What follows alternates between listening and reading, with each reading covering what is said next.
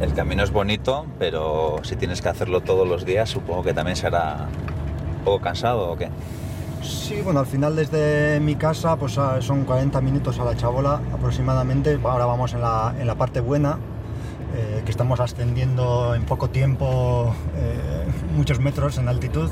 Entonces es, un zigzag y luego ya subimos arriba y ya empieza la pista, que ya es una pista pues ya eh, en peores condiciones. Eh, ahora está seco y siempre con seco se conduce mejor, pero en primavera y cuando los años de lluvia y así, pues está con muchos baches, muchos... el camino está bastante malo, eh, solemos tener muchas averías, un, un coche normal no te, no te sirve para llegar, aunque yo llego hasta la chabola, pero un coche normal, pues con buen tiempo irá, pero con mal tiempo, pues, pues seguramente no. 4x4 Si imprescindible, necesitas ¿no? 4x4, la- los 4x4 consumen más, tienen mayores, las averías son más caras, valen, es, la inversión es mayor.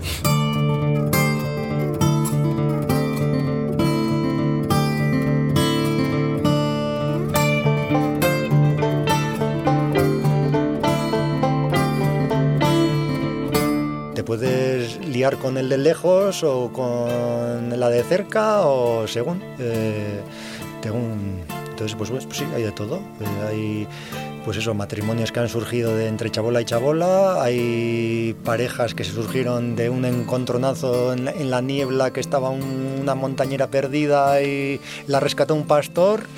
Y pues ya hay cosas así, sí.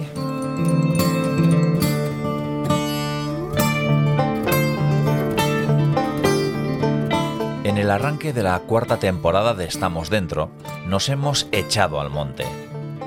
En cada capítulo de este podcast, producido por Ulu Media para ITV Podcast, el invitado pasa a ser el anfitrión, porque como bien sabéis, nos recibe en su casa. Y a pesar de que estamos en la Sierra de Aralar, la de hoy no va a ser una excepción.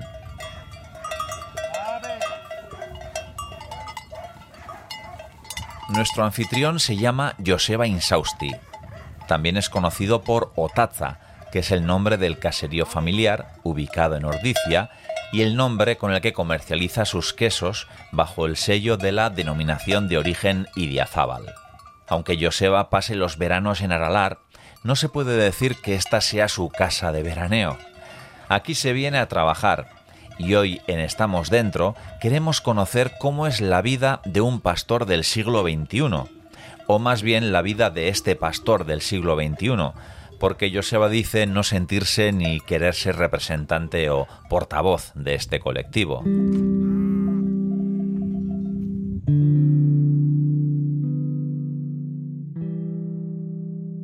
Joseba es un pastor con una filosofía de vida que me parecía muy interesante vivirla en primera persona y darla a conocer. Y él ha tenido la generosidad de compartir una tarde con nosotros, en la que, para empezar, le he acompañado en la tarea de recoger al rebaño para acercarlo a la chabola. Una vez finalizada esa tarea y tras curar la pezuña herida de una de las ovejas, llega el momento de la charla. Esto es Estamos Dentro.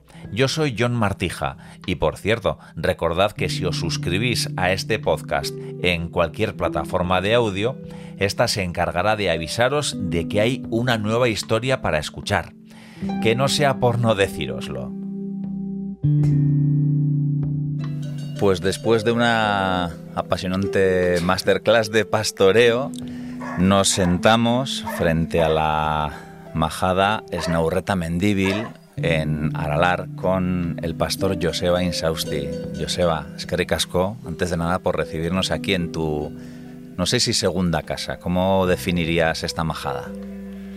Bueno, esta majada para mí es la casa de mis ovejas. O sea, es.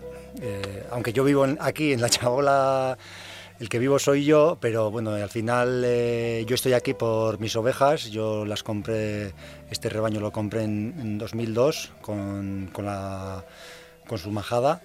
Y, bueno, eh, desde el 2002 estoy aquí pero estoy por ellas. O sea, esta es su casa, eh, es su casa desde, por, lo- poco que he investigado, pues desde, pues no sé, hace sesenta y pico, setenta y pico años, por lo menos es, están, está mi rebaño aquí. O sea, sus tataratatarabuelas estaban aquí con las mismas señales de las orejas.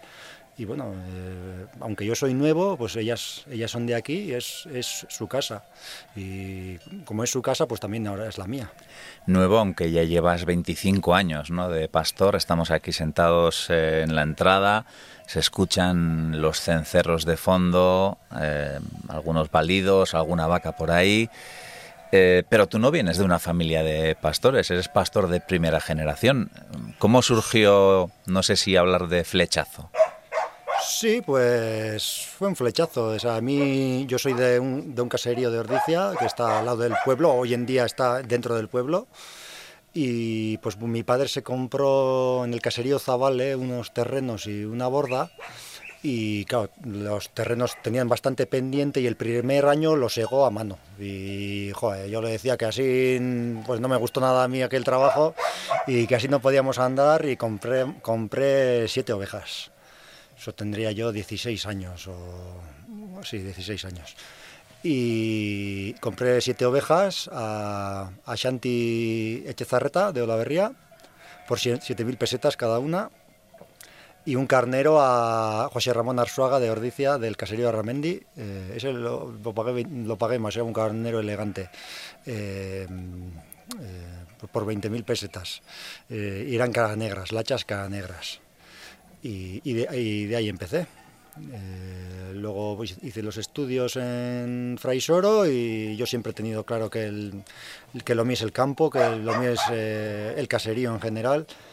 Y descubrí pues las ovejas primero y luego después, ya cuando vine aquí, un poco vine porque no tenía tierras, mías no tenía, entonces pues un poco me, me, obligué a venir al, a la sierra, que es como soy de Ordiciarra, pues como tenía derecho, pues vine aquí y aquí ya descubrí el pastoreo de montaña. O sea, es otro tipo de pastoreo del que se hace en los caseríos y eso ya, ahí sí ya me surgió una especie de flechazo, pues aquí conocí a, mis, a unos de mis compañeros que ya no están y, y bueno, pues, pues no sé, vi que había gente pues como yo que no... Yo no me empecé a dedicar al pastoreo porque porque quería producir quesos, ni porque, ni porque quería producir leche, nada, no. O sea, yo, yo mm, me dediqué a esto pues porque me gusta. Entonces, eh, porque me gustan las ovejas, me gusta eh, la montaña, la naturaleza, el ganado, el, el vínculo ese mm, ganadero, pastor, montaña, tierra, animal, no sé, ganado. Me gusta eso y, bueno, de ahí, de ahí empecé. Un flechazo, una historia de amor que en estos 25 años, pues como en toda relación tiene sus más y sus menos, sus momentos de, de desamor. Eh, decías, te formaste ¿no? en, en Fraisoro, en Cizurquil. Ocurre, me imagino, como en otras profesiones, ¿no? Que tú estudias, vas al instituto, a la facultad, y de lo que aprendes a lo que luego es la realidad suele haber un salto importante. ¿Ocurre algo parecido con el pastoreo? Sí, sí, totalmente, porque además en ganadería lo que pasa, lo que te está muy bien que, te formes y, veas dónde, por dónde van los tiros en la actualidad, eh, qué es lo que se eh, se valora, lo que se, no sé, lo que se toma, las cosas que se toman en cuenta, pero es muy eh, la teoría de la ganadería es muy, muy, no sé, diría yo, muy matemática, o sea, es muy, muy números, eh, rentabilidades, eh, raciones de, para los animales para optimizar la alimentación, proteínas, energías, tal, tal pero no se valora que, que, estás trabajando con seres vivos. Eso, eso no te lo eso no te lo enseñan. Que esa variable, ¿no? Y, claro, y es una, eh, con seres vivos, con la naturaleza, otra variable, y con el tiempo. Y esas, esas tres cosas, eso no, no está en los libros. Eh, estarán otro tipo de cosas, pues ya te digo, eh, mucha teoría y mucha matemática, pero el, el, vínculo que surge entre el, la persona y, el ganado, eso, eso, eso no se aprende, no, no, te enseñan en la escuela. Eh, te enseñan que es todo pues, pues para ¿no? Para poder vivir, sacar rentabilidad, pero pues eso, que el posible vínculo que surge ahí eh, no, no, se, no se enseña. Eso yo lo he aprendido aquí, o sea, con, con mis compañeros, o sea, eh, que, que, no era cosa mía, que yo pensaba que era un raro, que aquí que el que les tomaba cariño era yo, eh, el único, y no, veo que, que, los otros también les pasa igual, que, que una oveja, yo me acuerdo la primera vez que vine aquí, esta oveja, no, esta oveja nunca ha parido, entonces ¿para qué la tienes? ¿No? A mí me, pues, pues bueno, pues porque era hija de tal, tal, tal, me gusta y aquí está. Por una, lleva el cencerro elegante y, y aquí está. Y eso era, era, un disparate económico, pero pues esas cosas son cosas que, que se valoran, o que valoro yo al menos. Está llegando aquí el, el, vecino, que esta es una chabola con, con vecino, ¿no? Que no sé si es muy habitual que estén tan pegaditas. Bueno, hay de todo. Hay chabolas que están ellas solas eh, pues, y al, vecino tienen mucha distancia y bueno, pues yo tengo la, la, chabola de los vecinos lo tengo cerquita, pero ya hay algunos que tienen así tan cerca. Y luego este, justo el vecino que viene este no es pastor, este es ganadero de vacas y están bajando ahora las vacas porque está todo muy seco y no hay nada, entonces eh, pues, pues están hoy aprovechando el, el día para llevar las vacas abajo. 25 años de profesión, ¿ha cambiado mucho, Joseba? Hombre, pues sí, claro, claro que ha cambiado. O sea, yo cuando empecé estaba en una chabola vieja, que lo más alto de la chabola era, era mi estatura, y luego de ahí para abajo el resto. Eh, agua, a veces... Hombre, yo he conocido agua en las chabolas, eso sí he conocido, pero antes decían que no había ni agua. Pero claro, el agua que había, a veces había y a veces no. O sea, yo he visto a algún compañero limpiar los, los, las, los utensilios de los quesos con, con, con vino. ¿sí? Y, y, luego le decía, pero esto, este vino lo tiras, jo, que es una pena. No, no, si luego, luego tiene más sabor así, y lo guardaba. pero bueno, como no le, no le echaba ni detergente ni nada, solo con vino, y bueno, pues el alcohol del vino algo desinfectará también los, los utensilios. Y, y, eso sí, pues antes eh, agua no, no solíamos tener, electricidad tampoco, hoy en día tenemos con placas solares. Antes pues tenía con, con estas bombonas de, de, gas, no sé cómo se llaman, bueno, de esas. Algunos tenían con generadores que sacaban un ruido, bueno, de, de gasolina, un ruido tremendo y las chabolas pues eran súper pequeñas, o sea, eh, nada que ver. Eh, el sitio de ordeñar era la intemperie, o sea, cuando, cuando, llovía en primavera lo normal es que llueva, pues con trajes de agua y se hacía un barrizal y si se, hacía mucho barro se cambiaba de sitio, pues el sitio de ordeñar, eh, si se podía al menos, y en ese aspecto se ha cambiado mucho. Pero si te digo si, si vivimos mejor o peor, pues ahí ya eh, yo pienso que, que, los últimos años eh, vamos a peor en picado. O sea, es un sin vivir, o sea, es una espada de Damocles detrás de una. Eh, y en ese aspecto, o sea, sí, o sea, las condiciones de vida han mejorado mucho pero lo que nos ex, se nos exige es una barbaridad y cada día más, más, más, todos los años es algo más. Es de algo hecho, más. Eh, estamos a finales de verano grabando esta entrevista, eh, contacté contigo antes de verano para planteártela y me dijiste que no estabas con mucho ánimo, ¿no? Un poco para, para hablar, para para transmitir, ¿no? Porque al fin y al cabo es lo que queríamos en Estamos Dentro, ¿no? Transmitir esta realidad, cómo vivís, eh, cuáles son vuestras preocupaciones y, y, cómo se podría mejorar esta situación. Eh, ha pasado el verano y bueno, ahora al menos un poquito más de ánimo tenemos, Joseba. Sí, eso me pasa siempre, o sea, si en el verano se te cargan un poquito las pilas, tengo trabajo, o sea, tengo, hay mucho trabajo, hay mucho que hacer. No he librado ni un, solo día, ni este año ni el anterior, o sea, ni un solo día, igual que he ido un día de excursión a no sé dónde, pues ni, ni eso, no he tenido ni eso por ahora, pero pero bueno, se cargan, se cargan las pilas, ya pues bueno, de noche duermes y, de día pues haces los trabajos pues más tranquilo, no es como en, eh, en la campaña de invierno que es eh, que es una maratón sin, sin, descanso. Pero bueno, eh, en el ánimo, pues bueno, me he sacado mis conclusiones, o sea, yo tengo que seguir adelante. es lo que es, mi pasión, voy a luchar por, por, morir en, esto, dedicándome a esto.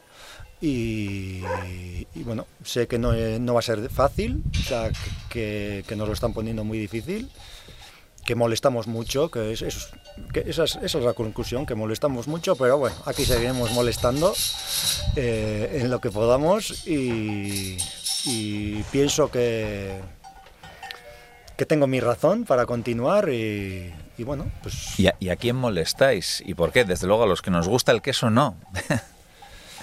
Mm, bueno, pues mm, en la macropolítica esta que hay hoy en día, eh, pues por lo visto los, la ganadería familiar eh, molesta mucho, porque ahora últimamente, ¿quién no ha escuchado que las materias primas han subido un montón? Y, ¿no? y de hecho, todo vas a hacer la compra y ha subido un montón. Y resulta que yo he vendido los corderos esta pasada campaña más baratos que nunca y había subido la barbaridad. En la tele dijeron eh, que el cordero en Navidad estaba, no sé, a 28 euros el kilo, no sé. Pues, pues, yo, o sea, yo sé lo mío. Yo, de los de otros pastores, no sé, yo sé lo mío. O sea, este año, o sea, eh, perdí, o sea, 1.400 y pico euros, así por la cara. Eh, y, bueno, pues esa pérdida, pues la arrastro, o sea, he perdido, o sea, más barato que nunca en los 25 años he vendido. Claro, ahí eh, calculas, digamos, el costo de producción. No, no, no, no. Sin contar el costo, o sea... ni el tiempo. Sí, sí, sí, sí, o sea, he, vendido en, precios y saco la media de precios, eh, o sea, he vendido sin tener en cuenta la costo de producción, lo que ha subido la luz, los piensos, todo eso. O sea, no, no, nosotros, nuestros precios están estables desde hace, yo, yo siempre los he conocido así, yo cuando empecé vendía el mismo precio. En, Navidad, o sea, justo Navidad suele, rondar los 5 euros, el, cordero lo que nos pagan el kilo, el, kilo en vivo, y después de Navidades a, eh, a 3 euros. Y este año, y Nochevieja suele ser como, como Navidad más o menos. Pues este año, pues Nochevieja fue... Eh, de 3 euros, que nos pagaron 3 euros, o sea, más barato que nunca. Y claro, yo como tengo los partos concentrados, en, que quito los corderos, en casi todos los corderos en tres semanas, cuatro seguidas, pues me pilló esa semana de Nochevieja tan mala, tan mala, que por el porque estaba todo, no sé, estaban los restaurantes que si estaban cerrados, que si, bueno, no sé, que no se vendió nada, los corderos, eso nos dijeron al menos, pues eh, yo lo, eso, lo mío, que este, este año he vendido, los corderos más barato que nunca. y, y, sí, el queso, pues he estado igual cuatro años vendiendo a, un precio, este año he subido un, un 4%, subí, un euro. Eh, pero bueno, no recupero ni lo que ha subido la luz, ni los piensos, ni nada. Y eso que yo no, no consumo mucho pienso, porque mis ovejas son ovejas de montaña y son bastante rústicas y no, son, no necesitan mucho. Pero bueno, eh, lo poco que comen, pues, pues con lo que ha subido, pues... Eh, pero bueno, y luego es eso, pues todo lo que se escucha en los montes, no sé, ya ves, o sea, está todo lleno de, de argoma, que, que, esto, que es esto lo que arde, o sea, no, los bosques no arden, son, son esto, las, malezas, eh, las argomas, esto es gasolina, o sea, esto, esto, lo ves arder y es una pasada, o sea, tú le das ahí con un mechero para probar y te hace como con la gasolina, te hace, ¡uf! o sea, y al final está todo el monte sucio por dejadez y, Sucio y seco, muy seco. Sí, lo, pero lo de seco pues es el tiempo que no gracias a Dios pues no se puede controlar. pero bueno, esto nos, este año nos ha tocado seco. Pero lo de sucio, que, los rebaños casi no pueden pasar en, nuestra zona, pues... Eh, pues eso, eso, ahí está. Y, luego nos escandalizamos que, que los montes arden. pero bueno.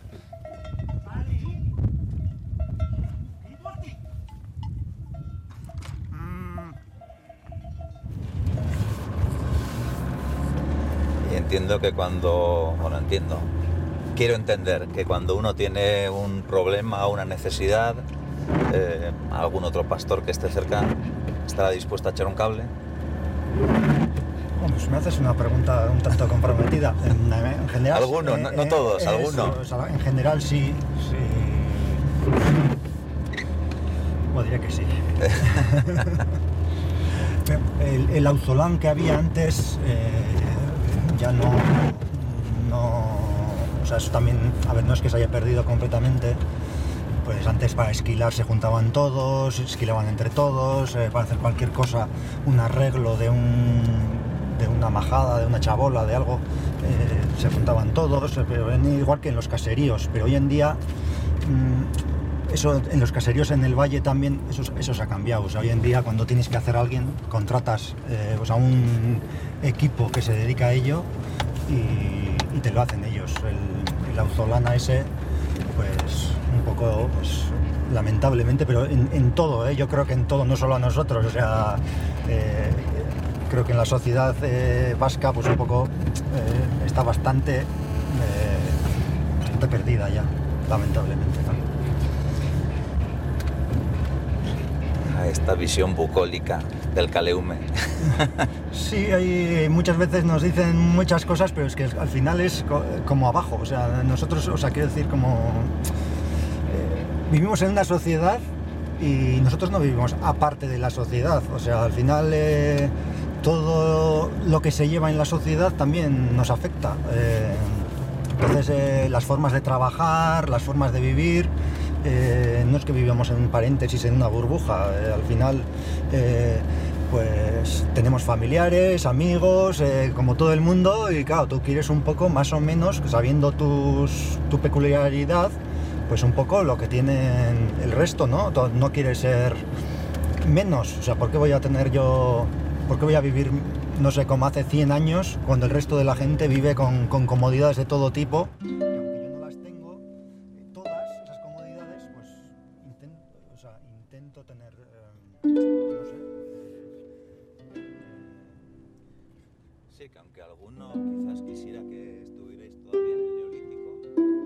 A Joseba le sigo la pista desde 2016, cuando ganó el prestigioso concurso de quesos de Ordicia, en el que este mismo año ha ocupado la tercera posición. Más allá de esos premios, recientemente ganaba la última edición del concurso de quesos de Guipúzcoa. Este mismo año también ha obtenido una estrella en los Great Taste Awards. El año pasado obtuvo el primer premio de queso y diazábal de pastor de Euskal Herria y en 2015 el Premio Alimentos de España al Mejor Queso, por citar algunos de sus reconocimientos. Le preguntamos cuál es el secreto de su éxito, que seguramente tiene mucho que ver con cómo entiende su profesión. Bueno, pues yo en mi caso eh, quiero pensar que es eh, pues por el modelo y la forma de trabajar que tengo. No sé, al final Mm, es un modelo que, que estoy contracorriente un poquito pues en lo que es el resto de tendencias en ovino, incluso en ovino lacho, ¿eh? pues que es un poquito pues mantener los ciclos naturales de la oveja, eh, basarme mucho en el pastoreo, en la montaña en mi caso, y, no busco grandes producciones, eh, ni busco ni las quiero, hago poco, hago poco, pero pero como gasto poco también, pues me queda como para vivir.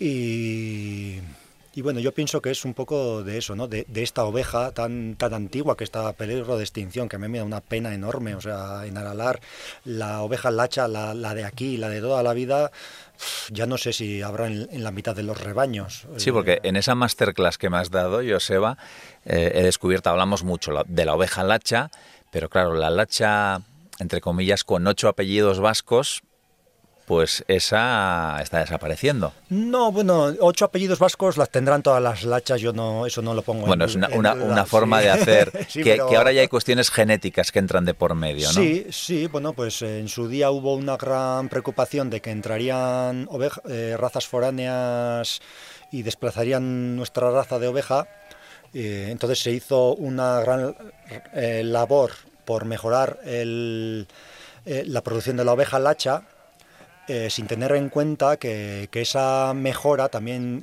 traería cambios en el manejo de la oveja.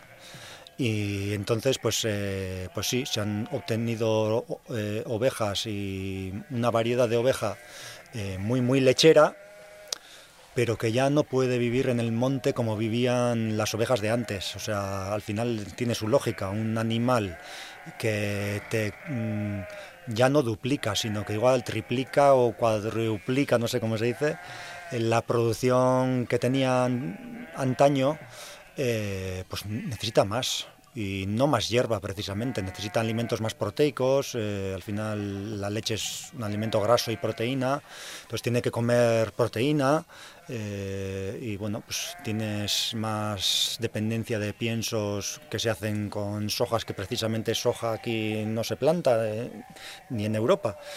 Entonces, y forrajes también, no forrajes, el forraje que pueda haber en Guipúzcoa, que, sí, en Guipúzcoa tenemos, es muy verde y, tiene mucha hierba, pero la hierba de aquí pues no tiene mucha chicha comparado con una hierba de, Zaragoza que tiene un montón de sol y, se riega cuando, cuando es preciso en el momento indicado y, no, no, tiene nada que ver. Entonces, eh, eh, pues ya necesitas otro tipo de alimentos, eh, los animales se gastan más, se les exige más y, dan más y, gastan más. Entonces, pues bueno, es, es una lacha, pero es otra lacha.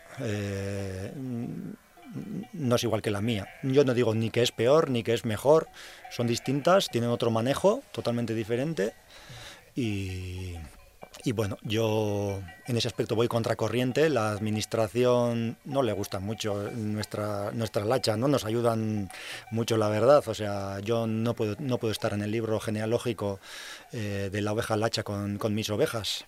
Eh, y eso implica que, cobro menos subvenciones, no cobro recrías, ni el día de mañana si nos implantan la nueva PAC, pues igual también tendré algún, algún algo menos pues porque, pues bueno, siendo la, mi variedad de lacha una de las lachas antiguas, eh, al no estar en el libro genealógico, pues no es una raza pura a términos teóricos y, y, eso. Entonces, eh, pero bueno, ahí seguimos, ahí seguimos, estamos... Me da alegría que hay la, gente joven que viene de atrás también, eh, algunos están apostando por esta variedad y en tu caso, Lacha Muturgorri. Sí, Muturgorri de Aralar, o sea, de montaña. O sea, también está esta hoja en, eh, ha, o ha habido tradicionalmente en Andía y también en Hernio. Eh, son ovejas de montaña, de alta montaña, digamos. Son ovejas muy chaparritas, muy robustas, de hueso muy fuerte, de, anchas, eh, de lana hasta el suelo. Eh, un pelín cabezonas, o sea, que son en proporción la cabeza tiene un poquito grande. Eso implica que también tienen, tengan un parto eh, pues que hay que atender, o sea, el parto, en el parto hay que estar encima. Eh, pues eso es igual su handicap, el handicap de esta variedad, que, eso, al ser muy robustas, les cuesta nacer y hay que, hay que, hay que ayudar en el parto. eso pues para muchos es un, pues no sé, algo súper super malo, pero bueno, a, la contra es un cordero muy duro. O sea, yo antes que tuve otras variedades del hacha, antes de adquirir esta en el 2000, eh, eh, aquellas en el parto, si te hacían un cric, ya se te moría. O sea, se le había reventado algo y estas, estas nacen crish crash, crish crash y, no se te mueren ni para Dios. Y son súper espabilados, no hay que andar amamantando. Generalmente amamantan solas, eh, la primera leche, el calostro y esto. Y son animales muy, que, muy precoces, vienen muy rápidos, son súper espabilados. Y es eso, eh, hay que ayudarles porque les damos de comer. Eh, medianamente bien. Esta, esta oveja es de estar fuera, o sea, totalmente fuera. Y antiguamente, al estar totalmente fuera, no comían tan bien. Entonces parían bien, porque el cordero nacía, pues bueno, nacía mm, pequeño, no nacía bien. Pero hoy en día, como las alimentamos mejor, eh, eso es cierto que la, alimentación se ha mejorado mucho, pues eh, pues eh, bueno, en praderas igual no, en praderas igual antes las praderas se cuidaban más, había más, más caseríos, los, los en cada casería había familias que cuidaban sus terrenos, hoy en día no se cuidan apenas los terrenos, pero igual se les da más alimentos energéticos, pues, no sé, que si cebadas, avenas, y claro, son energías que eso hace, que el, cordero igual crezca eh, un pelín, entonces eh, es por eso es que, que hay que ayudar. Pero bueno. ¿De cuántas, no sé si se habla de cabezas de ganado, también con las ovejas? ¿Cuántas ovejas tienes? Vamos, por simplificar la pregunta. Esa es la típica pregunta que se hace siempre y, yo estoy encantado de, decir, de decirte lo que puede tener el de al lado, más o menos. eso, eso lo mejor es decirle, para saber la que, los que tengo yo, pues decirle al de al lado, ¿cuántas tiene Joseba? Y te dirá seguramente, Joseba tiene unas tantas. Te dirá bastante más acertado que yo igual. Claro, también es un número que varía. Me, me, gusta, sí, varía. No, tengo todos los años igual, ni mucho este año igual le he bajado un pelín. Eh, pero bueno, suelo andar entre 400 y 500, eh, ahí suelo andar, este año pues tengo menos, eh, alrededor de 400 y algo. Pero bueno, eso es un poco la costumbre de, antiguamente, es una costumbre bonita de no decir, porque antiguamente los pastores transhumantes, que es los que estaban en Aralar, el único valor que tenían era su rebaño, porque los caseríos, el pastor transhumante en general no era propietario de un, de un caserío, era arrendaba los, los terrenos a caseros y, así pasaba el invierno, pero lo único que tenía suyo era el rebaño. Y un rebaño valía dinero. O sea, un rebaño, antes, eh, por lo que tengo oído, pues, pues estoy hablando de hace más de 50 años, pues igual se vendía un rebaño de 200 ovejas y se compraban una casa, un piso en, su pueblo, en Amezqueta o en Zaldivia, en un pueblo de estos, de alrededor de la montaña. Eh, hoy, en día, hoy en día un rebaño no vale nada. Ni, mm, te vendes un rebaño de 400 y pico ovejas y, no te puedes comprar ni un coche mm, un poco chulo, digamos. O sea, te, te compras un, un, Dacia o algo así, pero no, no, no más. O sea, hoy en día un, rebaño no vale nada. Lo que más no me gusta a mí decir es cuando te preguntan cuántos quesos haces. Eso ya sí es eh, ya decir cuánto dinero sacas, más o menos, porque al final nuestra rentabilidad, o sea, mi sueldo, igual en otras en otro modelo de explotación no, pero en el mío al final es eh, mi sueldo es los quesos que hago. Eh, el resto es para gastar, para pagar gastos y entonces decir cuántos hago, pues, pues no me gusta. Bueno, tampoco es una gran producción porque de hecho lo vendéis eh, en el caserío. Sí, bueno, vendo en el caserío y, luego a tiendas familiares pequeñitas, que, tengo, si no me equivoco, cuatro o cinco, no tengo más tiendas. ¿Por internet vendes también? Si me dan mucha lata, sí, pero no me gusta. O sea, mm, ni me gusta, no quiero, ni tengo página web. Eh, bueno, pero redes sociales sí. Bueno, me, salí del, del, Facebook y todo esto porque no, no, no quiero que sea... ¿Demasiados debates? No, y no quiero que mi queso sea un queso fácil, o sea, un queso de encontrar fácil en cualquier momento que le llamas a no sé dónde y te lo mandan, no. O sea, mi queso además mm, quiero que sea kilómetro cero, o sea, en eso estoy orgulloso. Mi queso, la mayoría se vende en, Ordicia. Y yo soy de Ordicia, aunque el invierno lo paso en Zaldivia, o sea, mi, mi granja o mi arteguie está en Zaldivia. Y ahora, de hecho, soy de Zaldivia, o sea, eso tendré que cambiar, eh, porque estoy empadronado todo este año en Zaldivia. Pero, mm, pero bueno, creo que sea kilómetro cero, mi filosofía va ahí, o sea, a mí no tengo necesidad de, hacer mercados fuera, aunque me, pagaran más, o sea, no, prefiero que me venderlo aquí. Y, luego eso, si hay algún encaprichado que, que quiere que se lo mande y que insiste, pues se lo mando, pero pero no, no, son muchos.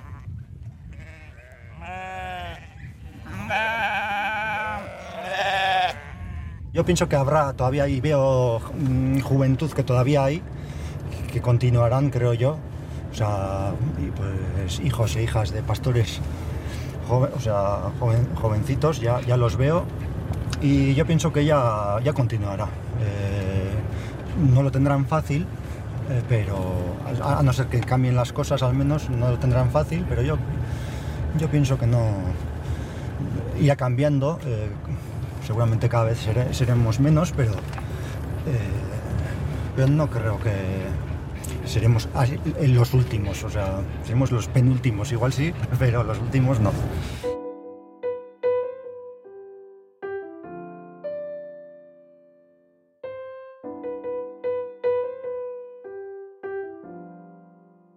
Muchas ovejas, compartiendo con ellas muchas horas, muchos días, muchos años. Ahí hay un vínculo, sin duda. Le preguntamos a Joseba si las conoce a todas. Hombre, yo sé, yo sé cuáles son las mías, todas. Pero es también porque tengo la señal en las, en las orejas y eso, pues no tengo ninguna duda que esas señales, eh, aunque eh, igual, imagina que les, hace otro la misma señal. Pues es que hay, hay muchos, muchas, muchas señales eh, para reconocer a tus ovejas, eh, para confundirme, no sé, con otra oveja, digamos que no es mía, ya tendría que tener la misma señal, tendría que estar esquilada en el mismo momento. Eh, tendría que estar, dormir más o menos como en un sitio parecido donde duermen las mías, porque ya las mías y las del vecino tienen otro color. O sea, no sé si te has fijado, pero la lana no, no tienen el mismo color todos los rebaños. Mis ovejas tienen una lana, eh, cuando están muy limpias, muy limpias, es bastante amarilla. Otros hay muy blanquitas, las mías son tirando a amarilla eh, y, y, cuando Ahora cuando está seco, pues igual están un poco más, como más marrón, no, no sé marrón sucio, tan sucio, pero tiene un toque más, como más, un toque como más marrón. Entonces ya, son, ya eh, y, luego ser la típica oveja de alar y aún así, eh, no sé. Bueno, la marca en la oreja y también el cinzarri, ¿no? El cencerro, que he descubierto que cada rebaño tiene su, digamos, tonalidad de cencerro. Bueno, eso ya depende de, cada pastor también, pero lo normal es que tú tengas un cencerro y tengas todos los cencerros. Mm, bueno, igual, no. Antiguamente eso era lo normal, o sea, tus ovejas sacan una música. Eh, entonces, eh, no tienen todas un cencerro, tienen unas poquitas del cencerro. Pero, pues ya mis ovejas, a lo lejos, yo ya sé por la música, eh, que es mi rebaño, el, el vecino. Justo, justo el vecino tiene una eh, una talla inferior, entonces muchas veces em, me, me, da lugar a despistes, pero porque es muy parecido, muy parecido, aunque no son iguales. Pero igual a lo lejos, a la distancia, pues igual a veces eh, igual ya me ha causado alguna vez algún esto no un, descuido pensar que eran mías y luego a medida que voy acercándome, ah no, esas son las del vecino, porque es un cencerro, es de, es de la misma casa, los compro en Lecumberri y es el cencerro que tenían cuando compré el rebaño, o sea, mantengo las mismas, los mismos cencerros y, y, eso, y luego otros tienen, pues igual tienen popurrí de cencerros, pero ese popurrí saca una música concreta. Entonces, eh, pues bueno, ya, ya, conoces más o menos eh, los de alrededor, ah, por lo menos sí. La verdad es que hemos tenido un momento ahí de pequeño conflicto, que se han juntado dos rebaños y cuando se han separado yo he creído distinguir el tono. Me ha parecido que el tono de sus cencerros de los otros era como un poco más grave o, más oscuro, ¿no? Eso es. Tenía más grave y luego igual tiene más dumba chiquis también. Tiene, yo también tengo dumba chiquis, pero menos. Y, igual el vecino tiene más. Pero bueno, son detallitos. Eh. Las ovejas fundamentales, pero los perros también, ¿no? Hombre, claro, eh, un pastoreo de montaña no puedes hacer sin perros. Eh, estamos hablando de perros trabajadores. O sea, en mi caso tengo pastores vascos de, Gorbea. Bueno, no sé si es de Gorbea. Me, lo, me lo, regaló Aitor Urien, un, pastor de, la zona de Amboto, un, chico joven de veintipico años. Y me ha salido un, perro buenísimo. Y, bueno, tengo ella, ella y su hija. Y bueno, aquí tenemos esos perros de, pastores, en otro, o sea, de, trabajo. Luego hay en otros, pues en otros sitios también tienen pastores protectores de rebaño, en este que son mastines, eso, eso no tengo. Después de lo que hemos hablado, no sé si la amenaza del rebaño está en el monte o está en la ciudad. Sí, está. Al final, eh, un poco los políticos hacen lo que les le pide en teoría, ¿no? La sociedad o, o no sé. Es verdad, eh, ahora Aquí cuando estamos arriba, pues es verdad que vivimos más tranquilos. Aquí no tenemos apuros de que te salgan las ovejas a la carretera, que se salgan de finca, que, coman las flores de, de, no sé, que puedan haber en una esquina de, que hoy en día hay flores en muchas esquinas, o, setos, o que les encantan los setos a las ovejas.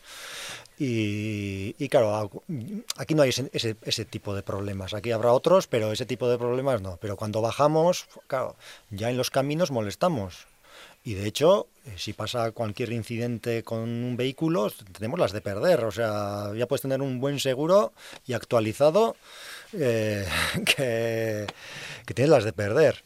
Eh, también eh, eso con las carreteras, pero también hay, no sé, hoy en día ya hay pocas plantaciones de pinos, pero antes cuando había plantaciones de pinos, igual una pradera que era un prado y, de repente pues al dueño pues eh, se le ocurre plantar pinos con todo el derecho del mundo.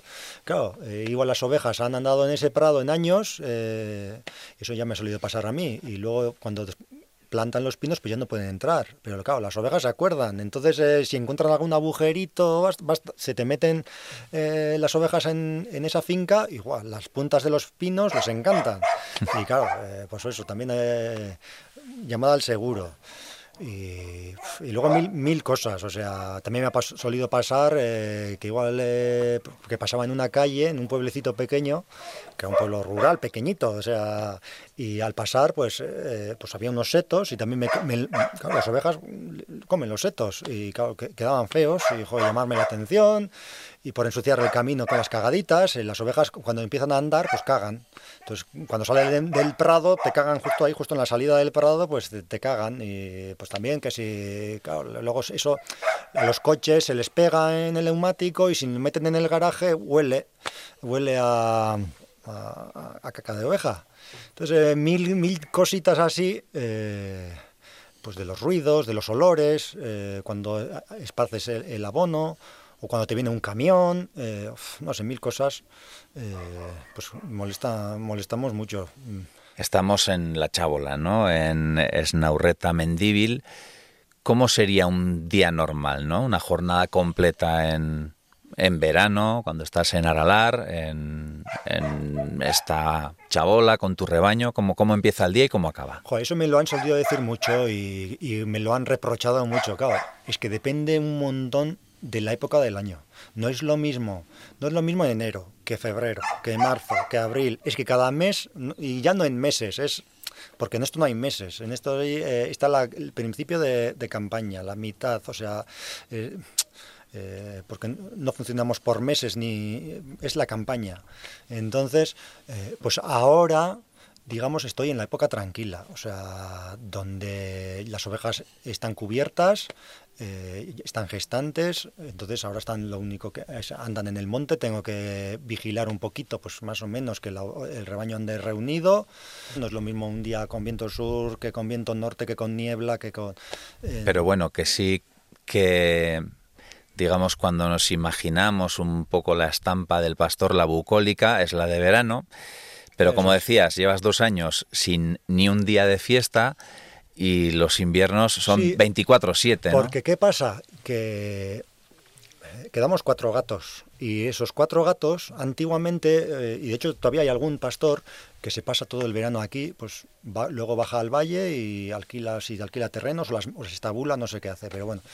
Eh, yo eh, tengo las, las tierras que tengo, las tengo alquiladas. Yo en propiedad tengo poca tierra, entonces la mayoría tengo alquilada. Esas, tierras las tengo que cuidar yo.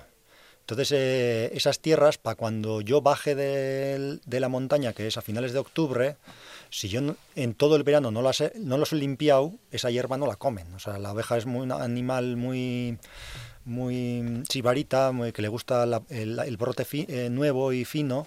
Entonces, eh, si yo no cortara eh, ese, terreno, las ovejas no comen. Las yeguas sí, y las vacas según qué vaca, pero las, las ovejas no. Entonces yo tengo que, todos los terrenos que tengo alquilados para luego poder que mi, rebaño pueda pastar, pueda pasar el invierno fuera pastando, pues los tengo que limpiar ahora en verano. Entonces aprovecho lo que puedo, hago heno, o sea, este año todo hecho heno. Eh, bueno, casi todos los años hago todo heno. Si, si, no me pilla algún chaparrón, hago todo heno. Y entonces eh, hay que segar.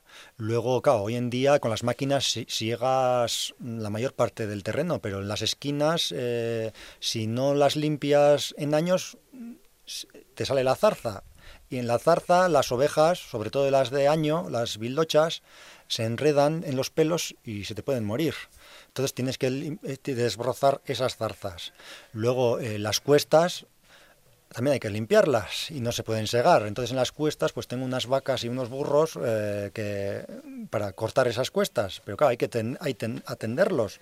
Hay que cambiarlos de sitio, que si algún día se te han salido, las tienes que meter.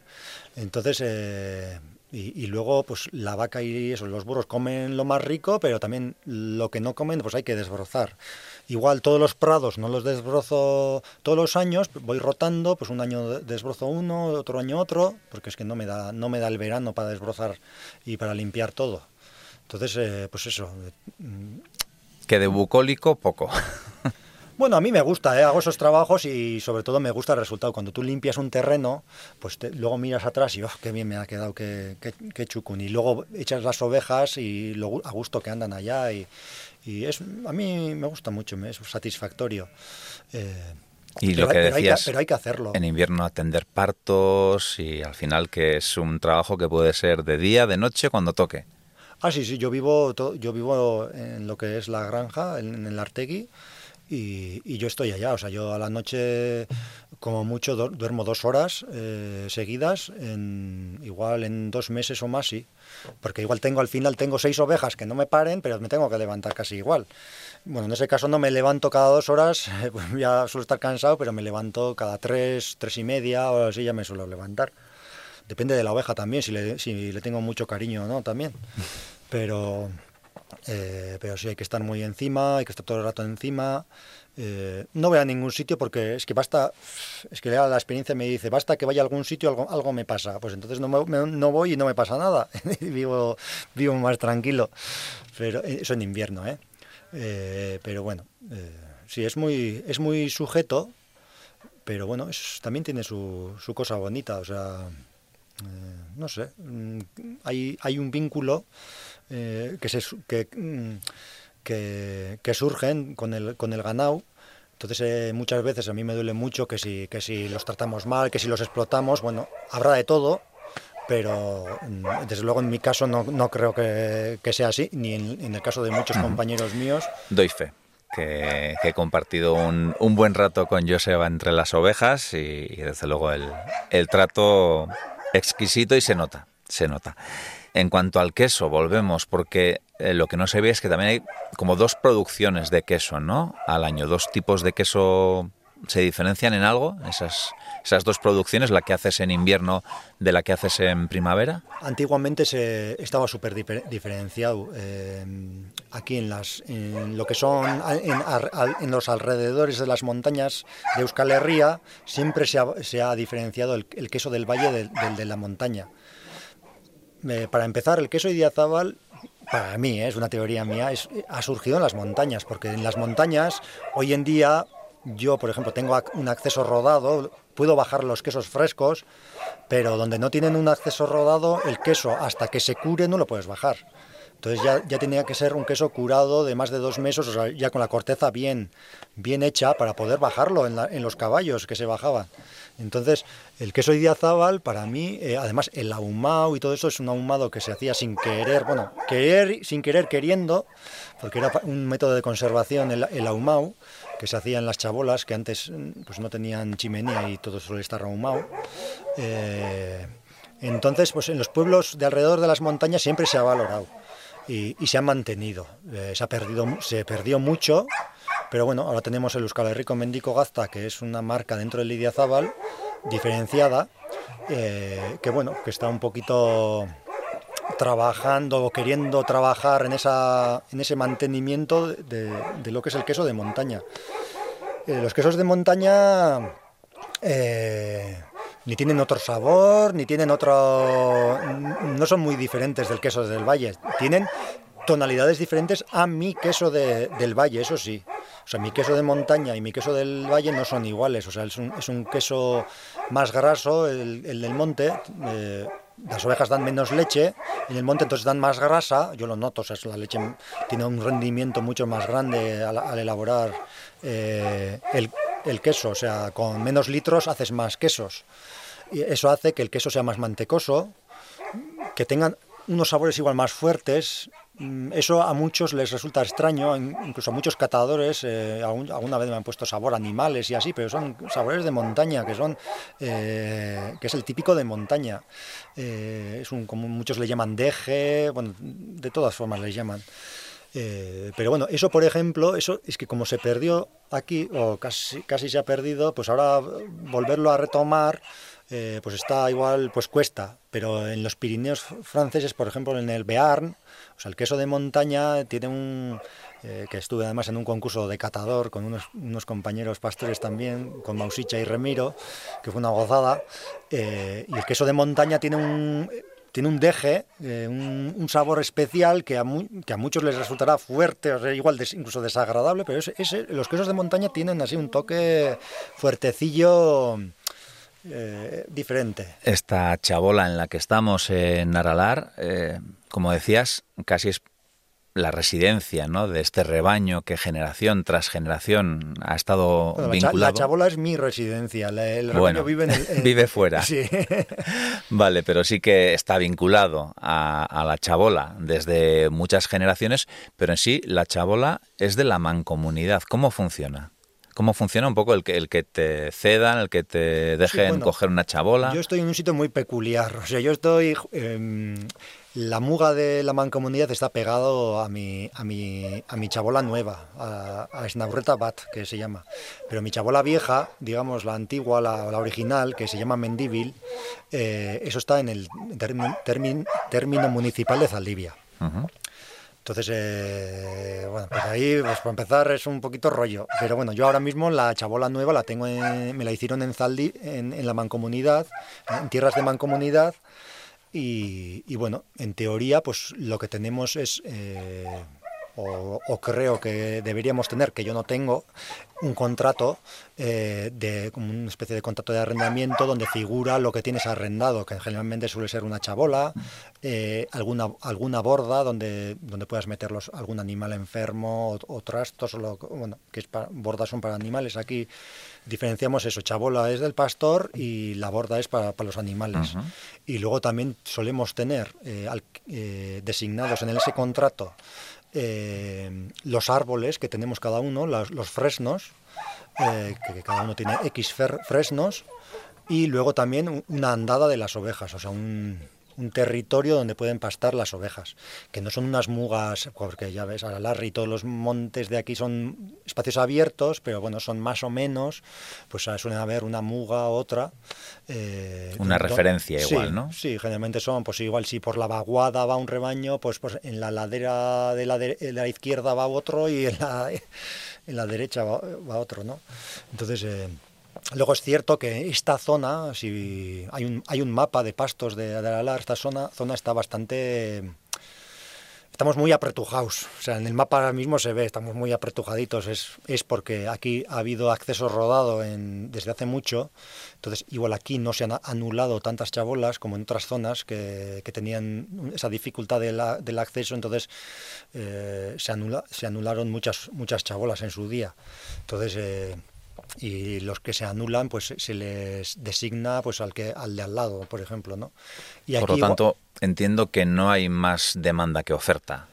No a nivel de, de pueblos de mancomunidad eh, no hay mucha mucha demanda. Eh, eh, de hecho, bueno, están entrando pastores del resto de Guipúzcoa, pues porque, porque había sitio, sitio libre y, y bueno, entonces cuando a ver, la prioridad siempre la tiene eh, las explotaciones que están en, o, sea, los, las, las, casas que están en, en, los pueblos de la mancomunidad, pero si hay un espacio, una chabola eh, libre y la pide uno de Guipúzcoa también y no hay petición de, de aquí, pues eh, se, le ha solido dar.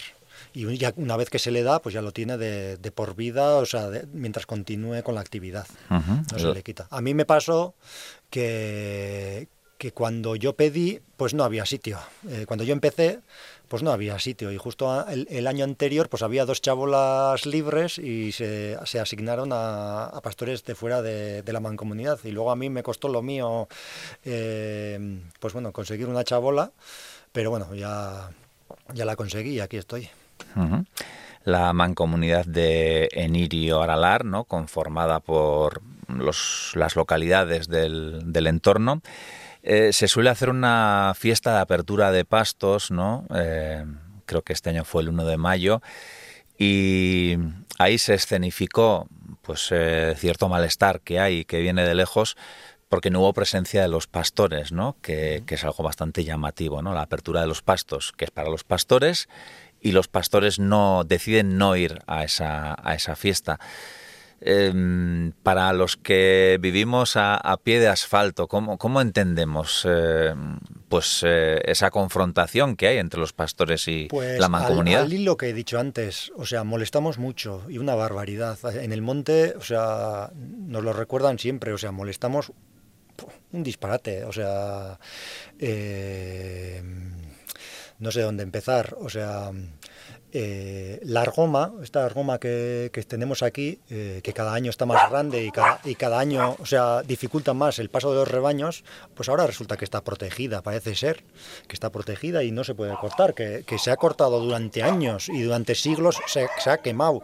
No se ha quemado así, con este tamaño, porque esto quemar una argoma de este tamaño es un, es, un disparate, porque quemas la tierra pero antiguamente, como se hace en Iparralde, hoy en, hoy en día se sigue haciendo, eh, se quemaba al año o a dos años, que la argoma estaba pequeñita, entonces eh, no se quemaba al suelo, se quemaba por encima en otoño y entonces no causaba, no causaba daños eh, a, la tierra, al contrario, o sea, eh, la fertilizaba y luego salía una hierba mejor, pero bueno, eh, hoy en día pues eso está, está prohibido y como eso pues se desbrozaba. En años, en, los última, en, última, en la última legislatura ya llevamos tres años y pico que no se ha desbrozado. Y, ni se ha hecho nada pues yo no veo que se hayan hecho ni mejoras de, mantenimiento, ni de las instalaciones, ni de nada. O sea, de hecho, el problema que tenemos, que hemos tenido del agua, no es por la sequía. O sea, yo aquí donde ves, este, enfrente de mi chabola tengo una vaguadita, aquí ves. Yo cuando vine en mayo, aquí tenía un precioso ibón, o sea, de estos de los Pirineos, o sea, lleno de agua transparente. Eh, pero claro, el ibón no era natural, era de, una fuga de agua que tenía al lado de la chabola, que los dos depósitos de no sé cuántos mil litros que tengo enfrente de, de, mi, mi, de mi chabola se habían vaciado todas de ahí, eh, de, esa, de, ese, de esa fuga. Entonces, luego, claro, luego vino un mayo seco, viento sur, eh, eh, junio más seco, y claro, ya pronto no se recuperaron los depósitos, y, hemos tenido el problema, no, el problema no es de ahora, ahora mismo encima no tenemos problema, ahora mismo trajeron agua en camiones y, luego con lo poco que ha llovido, bueno, se mantiene. Pero eh, yo ya eh, este año, además, por eso mismo también dejé de ordeñar 15 días antes, eh, el 7 de junio dejé de ordeñar, pues ya bajaba tanto la presión del agua que ni el calentador se encendía y, ya estaba cansado y, bueno, que decidí eh, dejar de, por esos 15 días dejar de ordeñar antes y ya está. también estaba el monte malo, estaba poca hierba y, bueno, y, tomé esa decisión.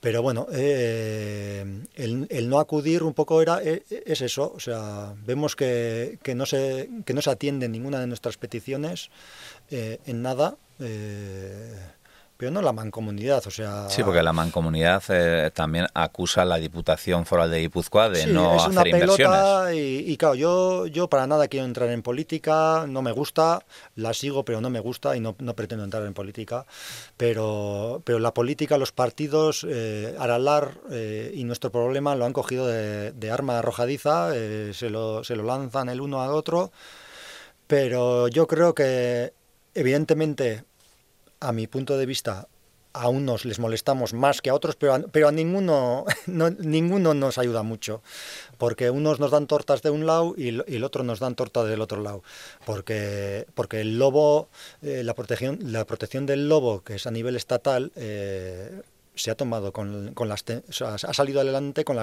abstención del, del, gobierno vasco y el de Navarra y ahí no estaban los de Bildu Y entonces, y eso es un, por ejemplo, eso es un, ataque directo al pastoreo tradicional y al, y al pastoreo extensivo que luego dicen que tanto lo protegen. El ticket buy, el ticket buy, los, los, el buruauste, no sé cómo se dice en castellano. El quebradero de cabeza. Sí, el quebradero de cabeza es, enorme. Y, la inversión que tenemos que hacer, que, es, que, que va de, de 3.000 euros para arriba, que luego nos dicen que nos lo van a ayudar eh, al 60%, pero claro, pedir la ayuda, otro trámite burocrático más, otro más, de los que tenemos que hacer, eh, de ir a agraria, llevar no sé cuántos papeles, siempre tenemos que llevar los mismos papeles, de estar al día, de corriente de pago, de no sé qué, de lo otro, de lo tal, tal, tal, tal.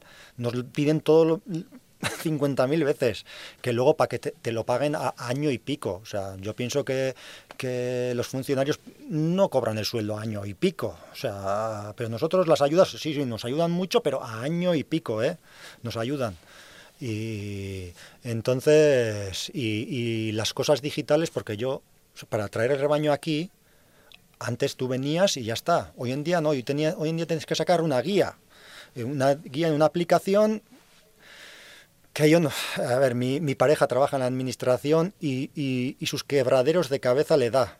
Pasa, porque yo soy incapaz de, sacarlo. Y, y yo no, no, me considero tonto, pero, pero es que lo ponen, son aplicaciones tan tan enrevesadas eh, y luego igual sin que, muchas veces ni funcionan, que están que está bloqueado porque están haciendo un no sé qué de mantenimiento y tú la tienes que hacer porque te vas a te vas a mover en ese momento con el rebaño, con bueno, eh, esas cosas nos crean y quebraderos de cabeza impresionantes y yo alguna vez he escuchado en la radio que es claro que estamos acostumbrados los autónomos a hacer fraude, a ver si estamos controlados si, si la denominación de origen o sea, todos los quesos que hago yo están declarados en la denominación de origen. O sea, yo no puedo decir que hago eh, 3.000 quesos y luego resulta que a Hacienda le digo que hago eh, que, he vendido 1.000, por ejemplo. Eh, si, quieren investigar un poco, estamos súper pillados. O sea, hay fraude, no hay algún otro igual hará fraude, pero, pero nosotros, eso es lo triste. Lo triste es que ya, o sea, no, no nos consideran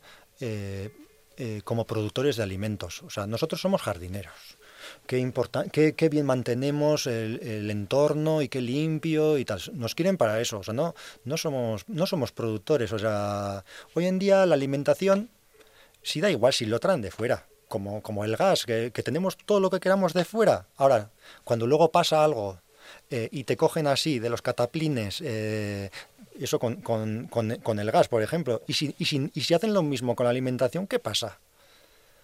Porque, porque en Europa se está destruyendo eh, la soberanía alimentaria de Europa. ¿eh? O sea, esto va, esto va a pique. ¿eh? La nueva PAC, que, que, yo no la conozco mucho, pero lo poquito que he leído, nos exige dejar en los praus eh, X eh, espacio sin hacer nada, o sea, sin segar y sin, sin limpiar, para que, que, que procreen los altamontes. O sea, Europa eh, o sea, le da más importancia a que, a que procreen los saltamontes que, que produzcamos alimentos sanos y saludables y naturales. O sea, sí, sí, sí, sí, es así. Bueno, y otra historia bonita para acabar, que mientras paseábamos por ahí tratando de acercar a las ovejas hacia la chabola, en Aralar también puede surgir el amor, ¿no? Historias de, de amor entre mm, chabola y chabola y, y oye, eso, eso está bonito. Sí, bueno, al final, eh, mm, aunque somos personas, que no somos extraterrestres ni trogloditas, o sea, eh, que muchas veces igual la gente se piensa eso, va, que tiene que tiene una red social, va, qué, qué raro, un pastor. Pues, pues, no, pues es que somos personas normales y al final, eh, pues bueno, te, puedes liar con el de lejos o con la de cerca o según, eh, según entonces, pues, pues, sí, hay de todo. Eh, hay pues eso, matrimonios que han surgido de entre chabola y chabola, hay parejas que se surgieron de un encontronazo en la, niebla que estaba una montañera perdida y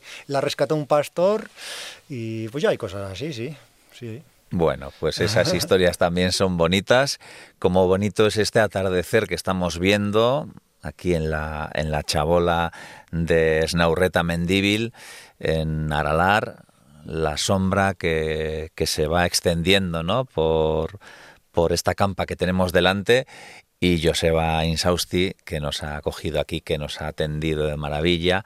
Y de hecho, no ha hecho falta hacer el pedido por internet, me llevo queso, que es no es lo mejor, porque la entrevista es lo mejor, pero bueno, lo mejor ha sido la experiencia con las ovejas, vivirlo, pues como quien dice, desde dentro, porque hasta me han rodeado, pero bueno, ver un poco cómo es ese día a día en, en Aralar para un pastor, con una filosofía pues tan, tan digna, tan defendible y tan reivindicable como la de Joseba Insausti de Otaza, ¿no? Esos quesos tan maravillosos. Bueno, Joseba eskerrik asko eta bueno, ba segi horrela, eh? eutxi gogor. Vale, eskerrik asko berdin.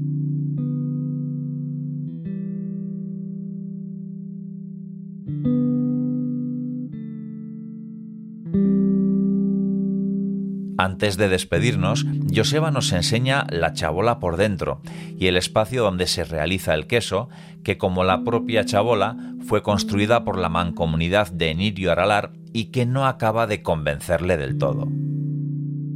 Sanidad obliga a que sea de fácil limpieza, impermeable, pero claro, aquí la humedad que hay en primavera, que hay una humedad del 100%, pues claro, todas las paredes suelen estar chorreando de, según el tiempo que haga, chorreando de condensación, no tiene un buen no tiene puesto aislante eh, por, el otro lado, entonces eh, pues, para trabajar por, por, un lado está bien, reúne los requisitos sanitarios, pero por otro pues se me dispara la humedad, e, eso eh, implica que, que, los quesos no los puedo secar bien porque están en un ambiente muy muy húmedo, donde no tengo ningún eh, medio mecánico de, regular esa, humedad. Entonces, eh, antes, cuando hacía en la, cocina, pues se me secaban mejor los quesos, se me secaban de perlas y ahora pues no, se me secan. Y muchas veces me, se, me meten mos malos, chancros, etcétera, que tenemos que, andar limpiando los quesos, eh, tener que bajar al valle y...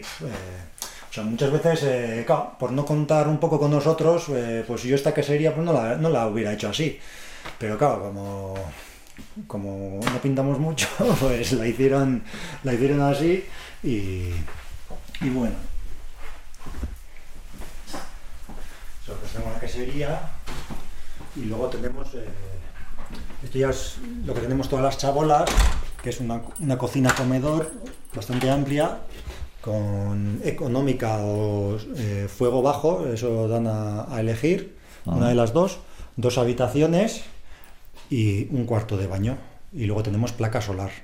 Eh, para solo alumbrado, o sea, un frigorífico no, no, puede funcionar. Es una placa pequeñita y es solo para el alumbrado. El frigorífico va a gas. Y es un poco lo que hay.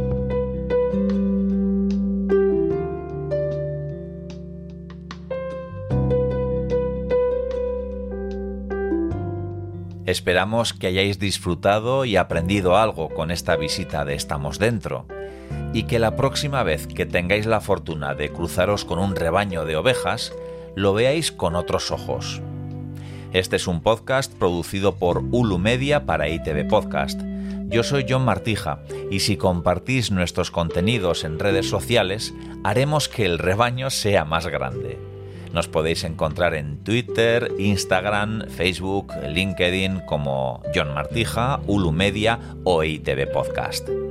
Hasta la próxima historia.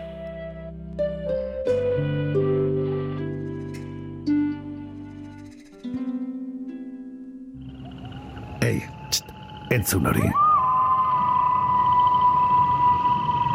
Ulu Media.